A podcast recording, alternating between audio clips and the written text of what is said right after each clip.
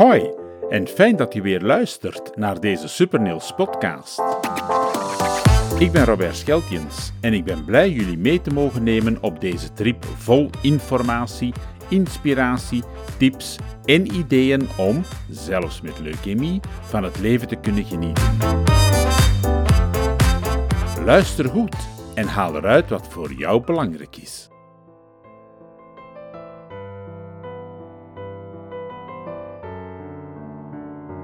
Hoi, wie geluisterd heeft naar de vorige aflevering van de Leukemie Supernils Boost Factory, weet dat we vandaag verder gaan met het boeiende en interessante interview met Tessa Kerre, topdokter, onderzoeker en hematoloog in het UZ Gent.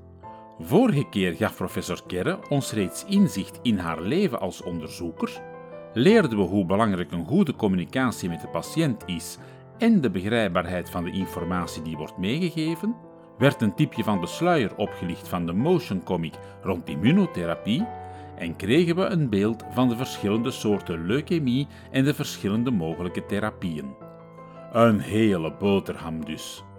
Tijd nodig om alles wat te verwerken en te laten bezinken. Daarom werd het interview onderbroken en gaan we vandaag pas verder luisteren naar wat professor Kerre ons te vertellen heeft. We zijn geëindigd vorige keer met het verhaal van de prikken die patiënten moeten krijgen en de angst die sommigen daarvoor hebben. Vraag is dan wat dokters en verpleegkundigen doen om deze angst weg te nemen. U hoort het zo meteen in het vervolg van ons lange, maar boeiende gesprek.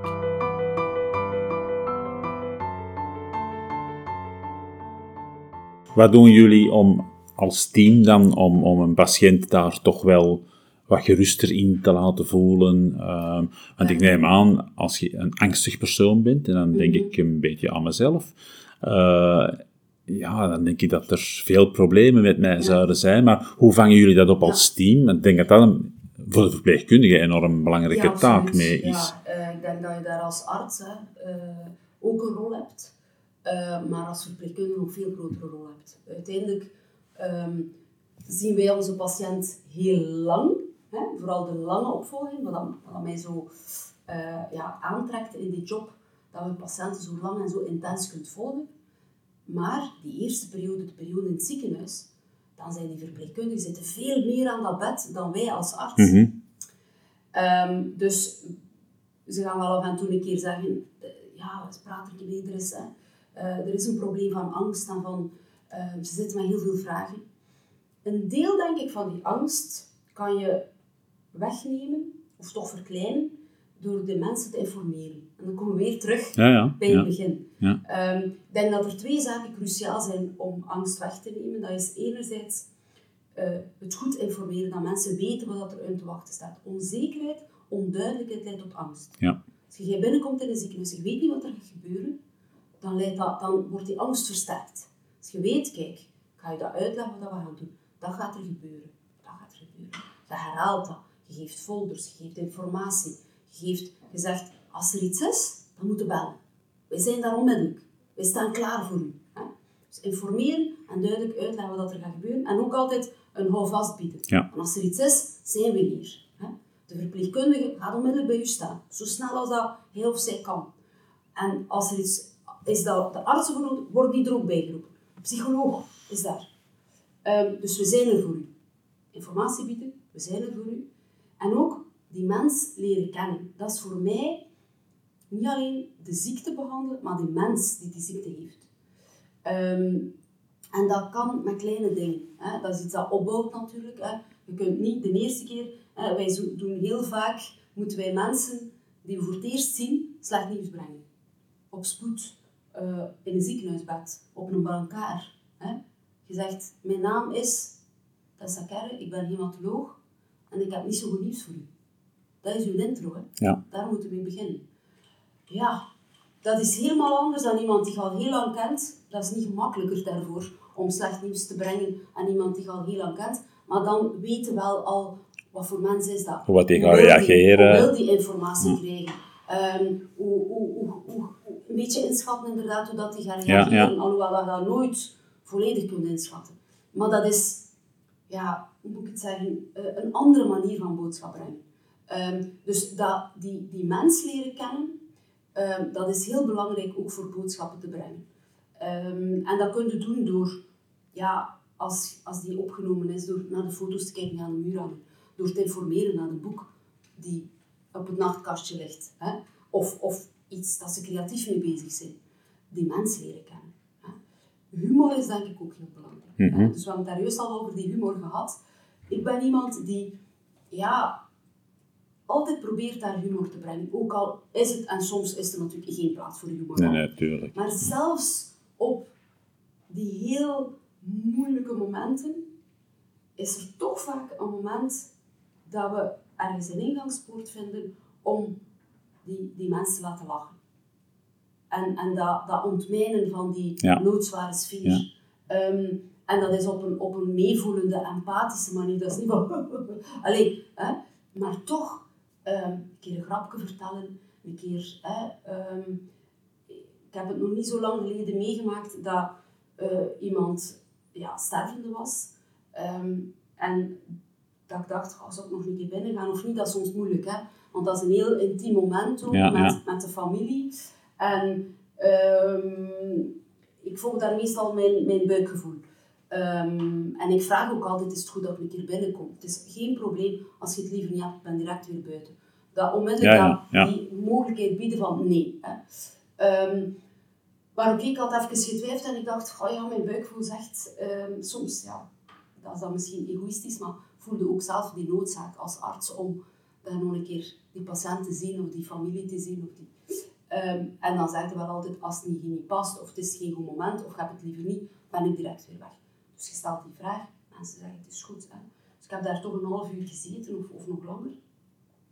En we hebben zo herinneringen boven gehad, van weet je nog wat, weet je nog wat dat je toen zei, man, man, man. En we hebben zitten lachen. En diezelfde avond is die mens gestorven. Hm. Bizar eigenlijk, hè.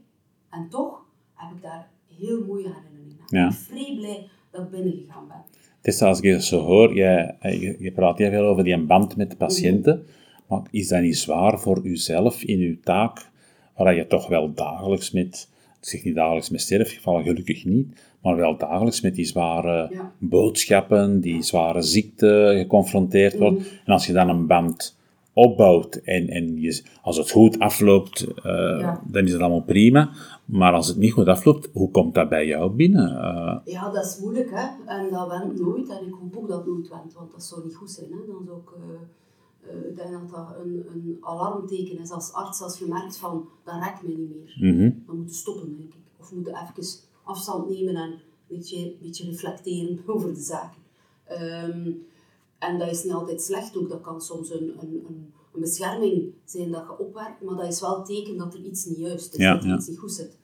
Dus het moet u blijven raken. Elk slecht nieuwsgesprek moet u pakken. Elk overlijden moet u raken. Maar natuurlijk moet je wel bewaken dat het nu niet onderuit haalt. Hè? Want ehm, na het, elk overlijden zitten er weer zoveel nieuwe Ja, patiënten tuurlijk. die u nodig hebben. Ja. En die er niets aan hebben dat ze een wrak voor zich krijgen. Die daar ook geen boodschap aan hebben Mhm. dat de vorige patiënt het niet goed gedaan heeft. Dus je moet wel altijd zeggen, oké, klik en... Terug professioneel, de volgende, ja. Het is wel bijvoorbeeld zo dat ik wel altijd zeg, voor een euthanasie, dat ik zeg, ik doe dat niet 's morgens. Ik doe een euthanasie s'avonds. Ik doe een euthanasie alleen maar als ik daarna weg kan. Niet Ja. als ik nog administratie moet doen, patiënten moet zien, dat gaat niet. Dat gaat niet, dat lukt niet, mij niet. Dus dan vraag ik wel ook begrip van de patiënt, als, die, hè, als we dingen afspreken of als die op voorhand zegt van ik zou graag, als ik een euthanasie, hè, ik ga dat, er gaat een moment komen dat ik dat ga vragen. Als ik dat vraag, zou ik graag hebben dat jij dat doet. Dan zeg ik, ik wil dat zeker doen, maar weet dat dat voor mij ook veel impact heeft. En eh, dat ik ehm, dat dus bijvoorbeeld op een avond doe. En niet als ik van wacht ben, bijvoorbeeld. Dus Mhm. als je dat dan op een bepaald moment wilt en ik ben van wacht, dan gaat dat niet lukken. Eh, omdat dat voor mij enorm binnenkomt ook en daarna moet ik kunnen uitwaren. ja, tuurlijk. Eh, hoezeer dat ik ook ehm, een, een ja, euthanasie een hele mooie deel vind van een behandeling van mensen, van een zorg dragen voor mensen, dat dat voor mij een, bij bepaalde mensen die dat vragen, een logische verderzetting is van een pad dat we samen bewandeld hebben, dat is wel iemand dooddoen. Hè. Ja, tuurlijk. Cru gezegd. Ja, ja, tuurlijk. En dat altijd weer opnieuw, als ik dat doe, hoe mooi dat dat ook is, en ik heb mooie herinneringen aan elke euthanasie dat ik gedaan heb, ik ben daarna gelijk een leeg gehulsel. Dat is zo precies zo een soort vaatdoek of zo. Ehm, en je moet dan nog wat administratie doen, spijt genoeg, of van die euthanasie, dat hoort erbij. Uh, maar de echte, de, de volledige papieren doe ik de volgende ochtend. Ik heb dan een paar dagen tijd voor om dat te doen. Um, maar je moet wel onmiddellijk iets inbrengen, maar dat is redelijk beperkt en ik probeer het daar ook bij te houden. Um, en dan moet ik uitwaaien, of moet ik, mijn, mijn, mijn man en mijn zoon weten dat ook, dat er hè, een euthanasie is en van, ik zal wat stilletjes zijn hè, en um, we, we, kijken dan meestal naar een dwaze film of zo, of we rijden een keer naar zee. Of, hè. Dus ik moet dat, dat, dat is iets dat wel een soort ritueel ook is Ja, voor mij. Ja, ja, ja. Um, en patiënten hebben daar begrip voor natuurlijk. Hè. Zij weten dat ook, dat dat niet niks is. Hè. Dat dat niet zomaar iets is van, je doet dat en daarna doe je gewoon voort. Hè. Business as usual, nee. Maar waar haal je dan de kracht om, om te blijven verder gaan en, en inderdaad die klik te maken? Want, Ja, dus want sommige moeten zo drie op een dag doen. Hè. ja, tuurlijk. En dan kun je niet, een euthanasie is gepland. En dus dat wil ik ook zeggen, van, de, de, je moet soms die klik maken, maar ik denk dat het ook wel belangrijk is, en ik probeer dat ook te doen, wel altijd stil te staan bij wat is er hier vandaag gebeurd. Ehm, en daarin is enerzijds zijn uw collega's van cruciaal belang, dat je daar even kunt ventileren. Ehm, dat is na een euthanasie, dat is na een overlijden van iemand, dat is na een slecht nieuwsgesprek, waar je zelf ook soms emotioneel moeilijk hebt. En dat je heel veel steun vindt bij je collega's, artsen, maar zeker ook bij verpleegkundigen. Daar, ik heb al enorm veel eh, ja, steun gehad aan, aan collega's, artsen, maar ook collega's verpleegkundigen, nog meer misschien. Ehm, die ook, ja, dat zijn ook van die zorgende figuren, Ja, ja, hè, die dan ook zien dat jij het moeilijk hebt en die een keer... Mhm. En dat moet niet veel zijn, dat moet, een knuffel, dat moet maar een knuffel zijn of een schouderklop of een keer zeggen... En hoe is het? Hè? Ja. Lukt het een beetje? Ja. Hè? Ehm, en ik doe dat ook voor hen en voor mijn collega's en we doen dat voor elkaar. En het team is daarin cruciaal. Ehm, om je daarin te steunen. En, en dat te erkennen dat je het lastig hebt. En dat je... Ja, oké. Even zitten, we gaan weer door. Maar soms moet je dat te snel doen. Die klik maken. En moet je daarna wel even tijd uittrekken van... Wat heb ik hier weer allemaal meegemaakt? Wat is er hier weer allemaal gebeurd? Ehm, en ook stilstaan bij ja, een overlijden, ook, ook ehm, medisch, ook een beetje van... Bij elk overlijden staan wij stil van... Oké, Hoe dat komt het? voorspellen? Ja. Was dat te voorspellen? Hadden we dat kunnen voorkomen? Hadden we iets anders kunnen doen? Kunnen we hier lessen uittrekken? Overlijden. En bij sommigen vereist dat echt daar een keer samen zitten met een paar mensen. Zijn er wat frustraties over hoe dat iemand, het team, eh, daarmee omgegaan is en zit dan niet op dezelfde lijn als iemand anders, dan moet dat uitgesproken worden. Ja, ja. En dat is belangrijk, dat moet uitgesproken worden. Meestal moet je daar niet te lang mee wachten, maar je moet daar wel een klein beetje tijd laten worden. Ja. Maar niet te lang. Want dan leidt tot frustratie en, en, en, en ontploft het op een moment dat het niet moet ontploffen. Ja. Eh, dus je moet dat kort, op een moment zelf, kan daar al iets over gezegd worden. En dan zeggen, oké, hier hebben we allemaal zo het gevoel, dit moeten we verder uitspreken. En dan moeten we over samen zitten en dat uitpraten. Zeer belangrijk. Ehm, in die verwerking. En dan natuurlijk, ja, het, het moeten voor een stuk dat kunnen van je afzetten. Ehm, en dat gaat niet altijd, hè. maar ik ben daarvoor bijvoorbeeld heel blij dat ik, dat ik met de fiets naar het werk ga, dat ik eh, letterlijk en figuurlijk Ah, kan waar. uitwaaien tegen dat ik thuis kom. En eh, dan helpt het natuurlijk wel als je dan zo'n warm nest hebt, waarin dat je kunt jezelf zijn, Ja. waarvan je kunt zeggen, het is wel een moeilijkere dag geweest, hè. ik kan misschien wat afwezig zijn of wat triestig zijn of niet mijn vrolijke zelf zijn. Ehm, maar langs de andere kant helpt het dan ook om met twee mensen te hebben thuis die u ja, meenemen weer in een andere wereld. Waar Ja, je even je Ja. kunt verzetten en kunt lachen om iets dwaas. Ja. Om een grap dat ze vertellen of om iets, iets, iets grappigs wat je samen doet. Ehm, Ik denk dat dat ook een hele belangrijke is naar de, de omgeving van de patiënt zelf absoluut. ook. Hè, van. Dat warm nest dat je noemt, ehm, is een hele belangrijke, Ja. denk ik, van... Ja, je, ziet, je wordt geconfronteerd met iets heel ernstig, iets dat heel goed kan aflopen, maar jammer genoeg ook wel eens slecht kan aflopen. En dat je dan dat warm nest zet om ja, elkaar op te vangen, te zijn wie je bent, ook niet dwingen aan de anderen dat er moet zijn zoals je zelf bent. Eh, ieder verwerkt dingen op, op, op zijn eigen manier en op een andere manier en daar respect voor hebben. Ik denk dat dat ook daar, in, in, Ja, in die omgeving. En zeer belangrijk dan is. ook, ehm, want dat merk ik heel vaak, ehm, patiënten, dierbaren, dierbaren onderling, gaan heel vaak zich wel inhouden voor een stuk, voor een dierbaren. Hè? In die rouw, in, in, in slecht nieuws, in de verwerking. Maar ja, ze hebben het ook al zo moeilijk. Ik zal maar niet, maar nog een keer mijn miserie ook nog een keer. Of ja, zij zijn juist nu vrolijk en, en, en ze, hebben het, ze, ze zijn even met iets en ik heb nu lastig. Ik zal er maar niet over beginnen. Hè? Dus het is denk ik ook belangrijk om mensen te hebben daarbuiten, en dat, kunnen, dat kan een psycholoog zijn, dat kan een professioneel zorgverlener zijn, en de, de rol van de psycholoog ook bij ons is, is heel belangrijk. En gaan we niet zeggen van, als je het nodig hebt, roep maar. Die gaan altijd langs gaan en zeggen, wij zijn, en wij zijn er voor iedereen. En de meeste mensen hebben nood daaraan. Hè? Dus je moet daar niet mee in zitten. Wij zijn hier, we komen een keer kennis maken, hebben ons nodig, dan kunnen we ons bereiken. Zien wij als zorgverlener van, die heeft nood aan, is dat de patiënt zelf dierbaar gelijk. Wij kunnen ook beroep doen op, op die psycholoog. Ook de dierbaren. Ook Ook de, ah ja, absoluut. Ja, ja, ja, ja. Ja. Ja, absoluut, absoluut. En soms stellen die zelf die vraag, maar soms zijn het wij als zorgverlener die zeggen tegen de psycholoog, kunnen een keer contact nemen, want ze hebben u nodig, kunnen een keer langs gaan. Ja. En lotgenoten, denk ik, kunnen daar ook een, een ja, heel belangrijke rol spelen. Dat is voor iedereen anders. Ehm, ik heb ook een boek geschreven, Immuun voor Kanker, dat in, in juni van 2021 verschenen is. En daarin staat een heel stuk over die dierbaren, de rol van dierbaren en ook hoe dat ze elkaar kunnen steunen en ook de rol van lotgenoten. En je hebt mensen die geen nood hebben aan lotgenoten en je hebt mensen die daar enorm veel steun aan hebben. Je hebt ook mensen die denken, dat is niets voor mij, die toch toevallig een lotgenoot tegenkomen, die hen dan enorm steunt. Ja. En dat ze zeggen, ik kan met die persoon, ik heb de beste vriend ter wereld en een fantastische gezin en familie ter wereld, maar ik kan met die persoon dingen delen die ik met niemand anders kan delen. Ja. ja. Die heeft een deel hetzelfde Ja. meegemaakt. En, Iemand en, die hetzelfde heeft meegemaakt. En dat is ook eh, naar ja, nabestaanden bijvoorbeeld. Als je iemand leert kennen die ook een kind heeft verloren.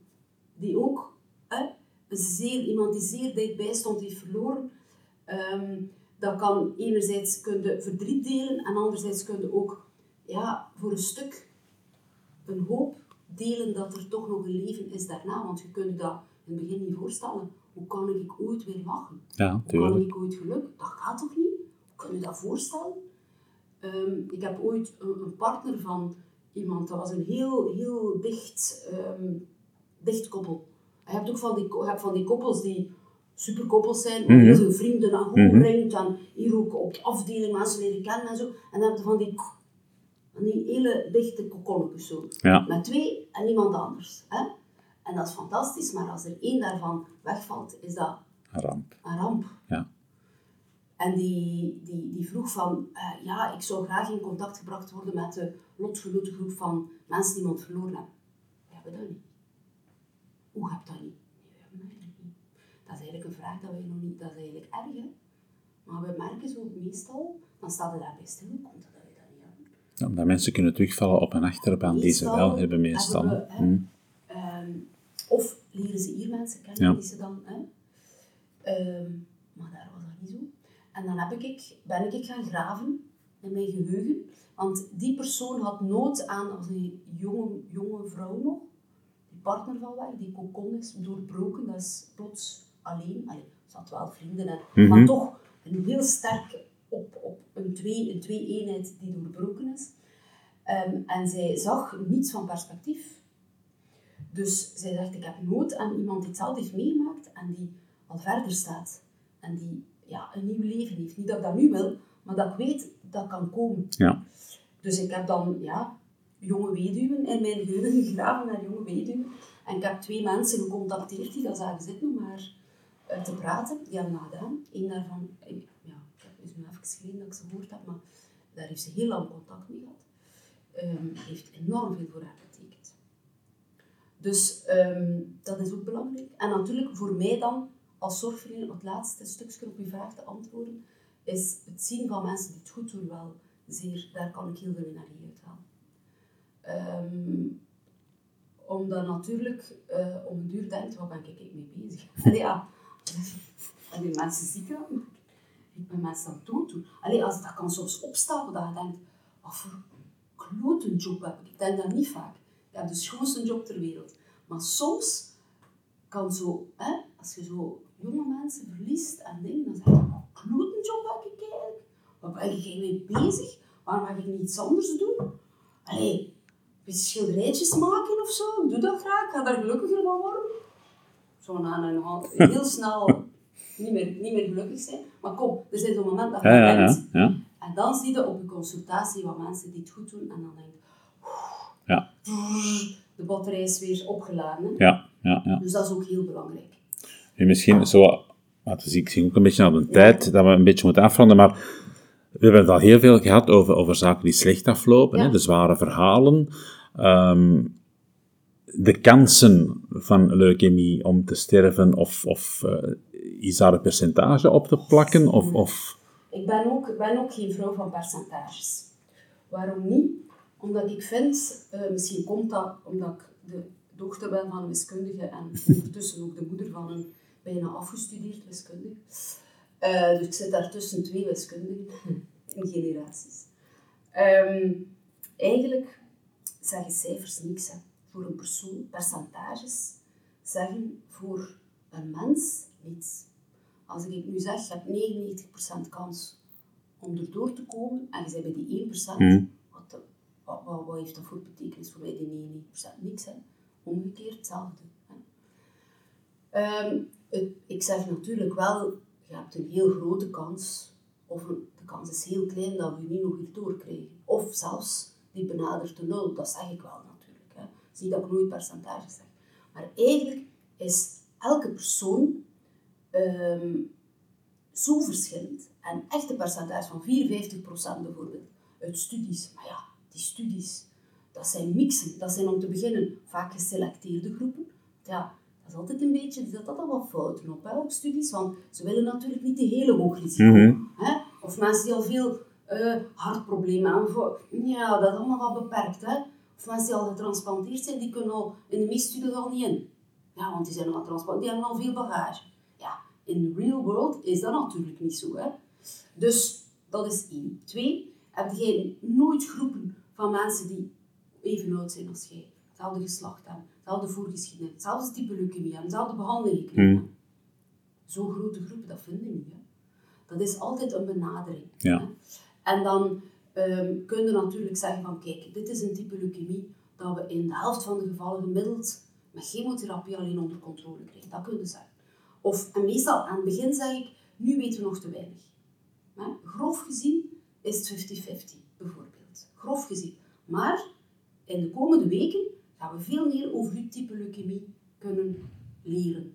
De genetische testen, hoe dat reageert op de eerste chemotherapie. Zeer cruciale gegevens voor uw lange termijn hè, prognose, mhm. de kansen dat je hebt, um, die we nu nog niet weten. En naarmate dat we dat weten, gaan we dat zeggen. Bijvoorbeeld, je hebt ja, een heel slechte leukemie. En de kans dat we die met chemo alleen gaan onder controle krijgen, is zeer klein. Dus er moet een extra behandeling, die dan ook weer risico's in zich trekt, enzovoort. Dus echt percentage zijn van leukemie, je hebt al die verschillende types, zoals ik gezegd heb. En binnen die acute myeloïde acute lymfatieleukemie, heb je dan nog al die allemaal ondergroepjes van eh, subgroepjes van hoog risico, laag risico, tussenrisico. Dus eigenlijk kun je geen globale cijfers geven, kun je richtingen geven um, die um, duidelijk worden naarmate dat je de leukemie beter leert. Na een paar weken eigenlijk van een diagnose kun je iets meer zeggen. Ook nog niet de grote voorspellingen. En we hebben alles is mogelijk, niets is 100%, niets is 0%. Dat ja, ja, ondertussen ook al want het is eigenlijk heel afhankelijk van persoon tot persoon, van leukemie tot leukemie, welke soort dat je hebt. Van leeftijd, ja. van. Uw, hè, uw algemene conditie. Je hebt de ene 60 is een andere 60. Ja, dat is zo verschillend. Je hebt jonge mensen die toch heel veel bagage naar, Mhm. naar, naar, naar eh, hè, longproblemen, hartproblemen. Dat is die, die dan bijvoorbeeld dat je meer risico inschat dan iemand met een fitte, gezonde 50 Ja, Allee, ja. zo verschillend. Dus echt, dat is iets wat ik wel doe, is ik ga naar die mens kijken en dan, op basis van de gegevens, dat we hebben wel grove schattingen maken van... Dat je daar een prognose, ja. ja. Maar exacte percentages, eigenlijk is dat not te vinden. Ja, Kun je ja. dat niet zeggen. Hm. Ja. En met de lotto speel ik niet. Nee, zeker niet. Als het gaat over mensen ook. Hè, de, Ehm, ja, het is voor, om af te ronden. ehm, wat zou je nog willen meegeven aan, aan de luisteraars, aan, aan de patiënten? Zoiets waar ze echt kracht kunnen uithalen om, om voor te doen in die zware behandeling. Wat kun je meegeven aan, aan de, de omkadering, het gezin, de, de familieleden? Wat kunnen die doen om hun, hun gezinslid er bovenop te helpen of, of te ondersteunen? Ehm, enerzijds, ehm, dat is misschien een magere troost en dat is iets dat je, denk ik, ehm, op het moment zelf dat je echt door de hel moet, ehm, misschien minder boodschap aan hebt, maar misschien toch een, iets kleins aan hebt. Enerzijds dag per dag proberen bekijken. Dat is wel gemakkelijk gezegd, ik weet dat heel goed. Want er zijn veel mensen die daarna zeggen, je zei dat altijd tegen mij dag per dag. En ik dacht, ja, dag per dag, het is wel gemakkelijk gezegd. Maar eigenlijk is dat mijn redding geweest. Te proberen niet te ver kijken. En natuurlijk ga je automatisch denken aan wat als en wat dat. Hè. Jonge moeder of vader van kinderen of van, ik wil nog zoveel, ik wil de kinderen zien groot worden, ik, wil, ik heb nog zoveel dromen. Hè. De Niels, die had toch zoveel dromen, die wou nog zoveel bereiken. Dat hoort niet. Dat, je zit daar dan met die levensbedreigende ziekte en je denkt, allee, dus dat is normaal dat je verder denkt. En, maar proberen altijd zo dat kort erbij om te overleven. Van oké, het is een dag voorbij, oké, we zijn weer een dag dichterbij naar huis gaan. Dichterbij, hopelijk, die genezing. Die remissie en dan die genezing, hopelijk. Dus dat is iets. Tweede, ehm, ja, ik, ik ehm, heb dat boek waarover ik het al een keer gehad heb ook geschreven, omdat ik van zoveel mensen hoor die zeggen, ik ben wel een ander mens geworden door die ziekte. Er zijn er soms die letterlijk zeggen, ik ben blij dat ik kanker heb gekregen. Dat klinkt wel zeer cru. En ik denk dat veel mensen zeggen, ja, ik zou het toch liever niet gehad hebben hoor. Maar het heeft mij wel veranderd in wie dat ik ben. In mijn eh, prioriteiten scherp te stellen. In mijn dromen meer te proberen najagen. In de mensen die ik echt graag zie, die ik echt apprecieer, daar de energie in steek en niet in al die andere. Want dat is ook, als je ziek bent, dat is ook wel een moment in je leven dat je wel merkt wie dat echte vrienden Mm. zijn. Ehm, en sommigen zijn misschien wel echte vrienden, maar zijn onbeholpen en kunnen het niet. En dat is ook een, dat is ook een boodschap die ik probeer te brengen met het boek van als patiënt heb je ook een rol naar je vrienden om te zeggen ik ben nog altijd dezelfde. Ja, ja. Dat heb ik nodig. Dat heb ik, want de, de stilte is sterk van al. En wat kun je doen om te steunen? Er blijven zijn voor de mensen. Ik denk dat dat heel belangrijk is. Dat, heb ik, dat wist ik al wel een beetje, maar dat is uit, door mijn boek te schrijven en door met zoveel mensen te praten, is dat nog veel duidelijker is geworden van, alsjeblieft, blijf contact houden. Ja. Stilte is sterk van al. Mm. Niets van u laten horen. Dat is zo pijnlijk, dat moet je niet doen. Ja. Maar langs de andere kant, heb dan ook begrip. Als je zegt van, hè, ik ben er voor u en ik, ik wil komen of ik wil, bouwt ook die mogelijkheid in omdat het niet kan. Om die afstand toch ook een beetje te bewaren als dat nodig is. Als je ja. zegt van, kijk, stel heel concrete dingen voor, maar zeg er altijd bij, als het niet past, zeg het mij. Maar zeg niet, als ik iets kan doen, laat het maar weten. Hè.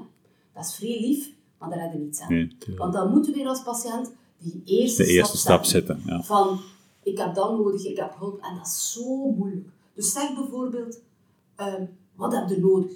Waarmee kan ik helpen? Of zegt, ik heb een pot soep gemaakt. Ik heb wat over. Ik kan die vanavond komen brengen. Past het? Als het niet past, geen probleem. Dan eet ik hem zelf op. Zeer concrete en laagdrempelige voorstellen doen. Altijd contact blijven houden. Gewoon zeggen, het is hier een kort berichtje, je moet er niet op antwoorden. Gewoon om te zeggen dat ik aan u denk. Dat ik er ben voor u. Ehm, dat je mij altijd mag bellen als, als je moet. En dat blijven doen. Dat blijven doen. En er gaat een moment komen dat je wel de respons Ja, krijgen. ja. Ehm, Dus ik denk dat dat zo'n beetje de, de, ehm, de boodschap is. En ook aan patiënten. Um, zeg zelf, dat vind ik niet zo tof. Ja. Of daar heb ik niet veel boodschap aan. Um, ik heb niet veel energie om, om met u iets te doen, ik kan dat niet. Ja, er ook eerlijk voor durven ja, uitkomen. Hè? eerlijk ook zeggen, ja. dat heb ik nodig. Hm. Daar heb ik, het is een beetje ja. samenkomen ja. daarin. Ja, dat klopt. En een soort gulden middenweg vinden. Wat dat ook niet altijd gemakkelijk is. Hè? Want ik weet als we op bezoek kwamen en Niels had het heel moeilijk en wou slapen. Uh, ja. Bij manier van spreken, na tien minuten reden wij terug naar kalmte vanuit Gent. Uh, dan was dat even moeilijk, maar je moet daar begrip voor hebben, want het ging niet op die ogenblik en dan kan je ernaast gaan zitten, uh, maar dan kun je beter rustig, als hij dat zelf ook aangeeft, rustig laten zijn. Dus ik denk dat we heel mooie dingen hebben gehoord. Uh, trouwens, het laatste wat je hebt gezegd over de patiënt zelf en het veranderen van persoon. Ik heb een interview gehad met een, een ex-patiënt, ondertussen al 15 jaar uh, vrij van, van leukemie. Heeft het gekregen op zijn 16, is ondertussen ook al, uh, wordt 30 jaar uh, deze week. en die heeft dat ook aangegeven. Ik ben een ander mens geworden. Ik ben anders gaan kijken, ook naar, naar mensen toe. Ook dat belang van die, die hechte band, dat gezin, die aanwezigheid. Hij was toen heel jong, lag in het kinderziekenhuis in Antwerpen. om beurten bleven de ouders slapen. En dat belang ja. Alhoewel hij 16 jaar was, toch de mama of de papa bij u hebben, dat dat zo belangrijk was, eh, dat die er ook altijd waren. En zelfs zegt hij ook, al, als, als ik het eh, wat moeilijk had of zo en ik lag te slapen, dan wist ik toch dat een van de twee ernaast zat uh, en aanwezig was als ik het nodig had. Dus ik denk dat dat zeer mooie tips zijn om, om mee te geven um, als slot van, van dit interview. Um, ik ben zeer blij dat ik, dat ik u mogen interviewen ook. Ik denk dat, uh, ook naar de mensen toe, dat er toch wel heel mooie dingen in zitten. Uh, waar ze zich toch wel wat kunnen aan optrekken. Ook natuurlijk de, de eerlijke informatie van wat het is. En, en ja, ik heb naar kansen gevraagd, uh, die heb je niet gegeven. Ik denk dat dat ook eerlijk en correct is. Het hangt heel sterk af van de persoon, van de ziekte, van de achtergrond van de persoon enzovoort. Dus uh, ja, ik ben zeer blij dat ik u heb mogen interviewen. Een dikke merci. Ook een dikke merci voor wat u allemaal doet voor Supernails. Want dat hebben we nog niet vermeld, maar uiteindelijk zit u ook mee in onze raad van bestuur als medisch adviseur. En ik denk dat dat ook al zeer belangrijk is voor onze organisatie om iemand zoals u mee te hebben in heel dat verhaal, waar wij toch proberen van ondersteuning te bieden aan patiënten, maar hen ook te informeren, wat we nu onder andere via de podcast willen doen. Informeren, maar ook een boost geven, kracht geven. Het hebben over dagdagelijkse dingen, thema's zoals, wat mag ik eten? Ik heb een huisdier, wat moet ik daarmee doen? Uh, de kleine dingen, maar die wel zeer belangrijk kunnen zijn voor de mensen en waar ze toch wel iets aan hebben. Heel erg bedankt dat u hier aan wilt meewerken.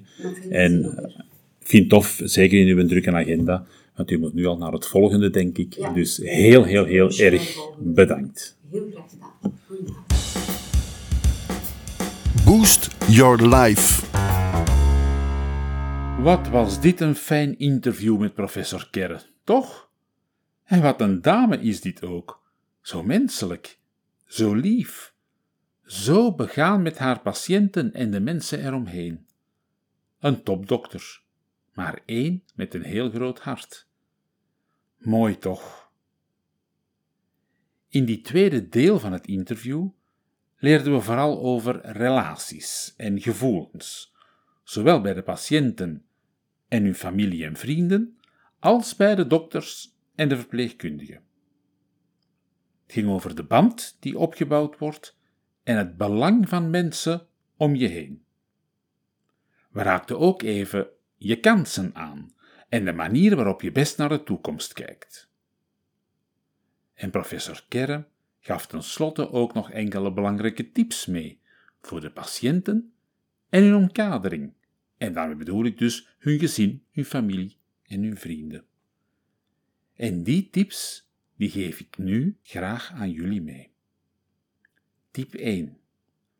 Bouw als patiënt een mooie band op met de dokters en de verpleegkundigen. Wees open en eerlijk. Durf vragen te stellen. Heb respect voor elkaars situatie en werk. Respecteer iedereen zoals hij is. Tip 2. Een warm nest is enorm belangrijk, zowel voor de patiënt als voor de dokters en verpleegkundigen. Iedereen heeft iemand nodig om op terug te vallen als het wat moeilijker gaat. Iemand om mee te praten. Iemand om mee te lachen. Tip 3. Praat met anderen. Blijf niet zitten met vragen, met angsten, met onduidelijkheden. Zoek interactie met je familie, vrienden, experten, zoals bijvoorbeeld de psycholoog, maar ook lotgenoten kunnen veel betekenen. Zij weten immers wat je allemaal doormaakt, maar volg steeds je eigen behoefte hierin. En stop vooral energie in die mensen die voor jou belangrijk zijn. Tip 4. Weet dat de psychologen uit het ziekenhuis er ook zijn voor de familieleden. Ook zij kunnen hier terecht voor de noodzakelijke babbel. Tip 5. Leef van dag tot dag. Kijk niet te lang vooruit, maar wees blij met elke kleine stap die je zet en die je dichter bij de genezing brengt. En tenslotte tip 6. Heel erg belangrijk voor familie en vrienden. Laat de patiënt voelen dat je er voor hem of haar bent. Vraag wat hij of zij nodig heeft. Houd contact, maar respecteer zeker zijn of haar behoeften hierin. Zo, dat waren toch weer heel wat tips die we konden halen uit dit mooie gesprek. En tot slot ben ik zeer blij dat we nog iets mogen weggeven van professor Kerr. Tessa Kerr sprak ook over het boek dat ze geschreven heeft, Immuun voor kanker. We mogen nu één exemplaar van dit interessante werk weggeven aan de luisteraar, en luister goed, die binnen de 24 uur na deze aflevering een bericht stuurt naar info.supernils.be met naam, voornaam, volledige adres, immuun voor kanker en het antwoord op deze vraag. Uit welke personen bestaat het warme nest van professor Kerr? De eerste inzending, qua tijd, met het juiste antwoord op de vraag en met de gevraagde informatie die we binnenkrijgen, die ontvangt het boek. Alvast veel succes. Make our day. Zoals jullie weten wil Super Niels interessante podcastafleveringen maken. Maar dat kunnen we niet alleen. Daarvoor hebben we jullie nodig, onze luisteraars. Heb je dus tips voor ons? Wil je bepaalde inhouden bespreken? Maakte je zelf iets mee en wil je er een oplossing voor? Of ken je lotgenoten die willen meewerken? Aarzel dan niet en laat het ons snel weten via de online community Leukemie Supernils Boost Factory. Onze online community kan je zeer gemakkelijk bereiken via onze website www.supernils.be. We zijn bovendien ook nog steeds op zoek naar recepten om kiemarm te koken. Ben jij een chef in de keuken en kook je regelmatig kiemarm voor je zieke familielid? Wil je jouw recept met ingrediënten met ons delen? Stuur het dan door via info.supernils.be. We nemen het dan zeker op in onze podcast, maar ook in het Supernils kookboek dat we gaan maken, vol kiemarme recepten. Alvast een dikke dankjewel.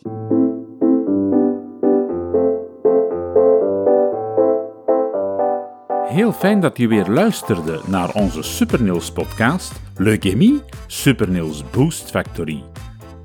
Je kan ons ook helpen om meer naamsbekendheid te krijgen door de podcast te volgen in iTunes en Spotify. Deel hem ook met anderen die er baat bij hebben.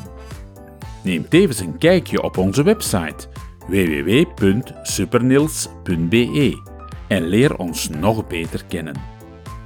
En heb je een vraag, een idee of wil je met ons samenwerken?